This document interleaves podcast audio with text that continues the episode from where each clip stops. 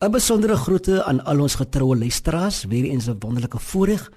Ons hooftema wat Jesus gedoen het en ons kyk vanaand na ons subtema Jesus heers oor siekte en dood en ons vind vanaand ons skriflesing in Matteus 28 vers 18. Voordat hy weggegaan het, het Jesus vir sy disippels gesê: "Aan my is gegee alle mag in hemel en op aarde." En liewe luisteraar, mede pelgrim, ons kan getuig dat Jesus het baie wonderwerke gedoen. Hy het die onstuimige wind stil gemaak. Hy het baie siekes gesond gemaak en selfs dooie mense weer lewendig gemaak.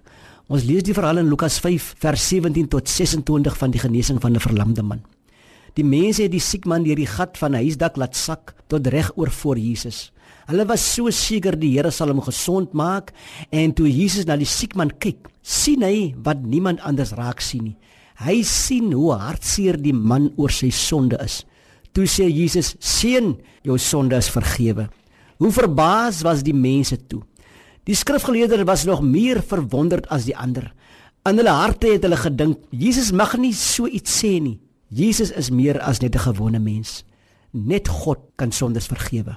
Hulle het nie geglo dat Jesus die seun van God is nie. Die Here het geweet wat hulle dink. Hy sê toe vir hulle: "Ek sal julle wys dat die seun van God sondes kan vergewe." Daarom sê hy vir die siek man: "Staan op, neem jou bed en gaan huis toe." En die siek man het gedoen wat Jesus sê hy moet doen. Hy staan op. Hy is heeltemal gesond. Hy rol sy mat op en gaan vol blydskap huis toe. Jesus, die seun van God, vergewe nog steeds. Ons kan gelukkig wees al is ons ook siek. As ons net weet dat ons sondes vergewe is, want dan weet ons dat God ons liefhet. Dat ons sondes vergewe is, is baie belangriker as om gesond te wees. Die Bybel leer ons in Psalm 32 vers 1 tot 2. Welgeluksalig is hy wie se oortredinge vergewe, wie se sonde bedek is. Welgeluksalig is die mens aan wie die Here die ongeregtigheid nie toereken nie en in wie se hart geen bedrog is nie. Kom ons verenig in gebed. Ons is so bly, Here Jesus, dat ons na U toe kan kom in alle nederigheid in ons gebede. Ons het U lief, Here, omdat U ons eerste lief gehad het en al ons sondes vergewe het En weerhou ons daarvan om opsetlik te sondig.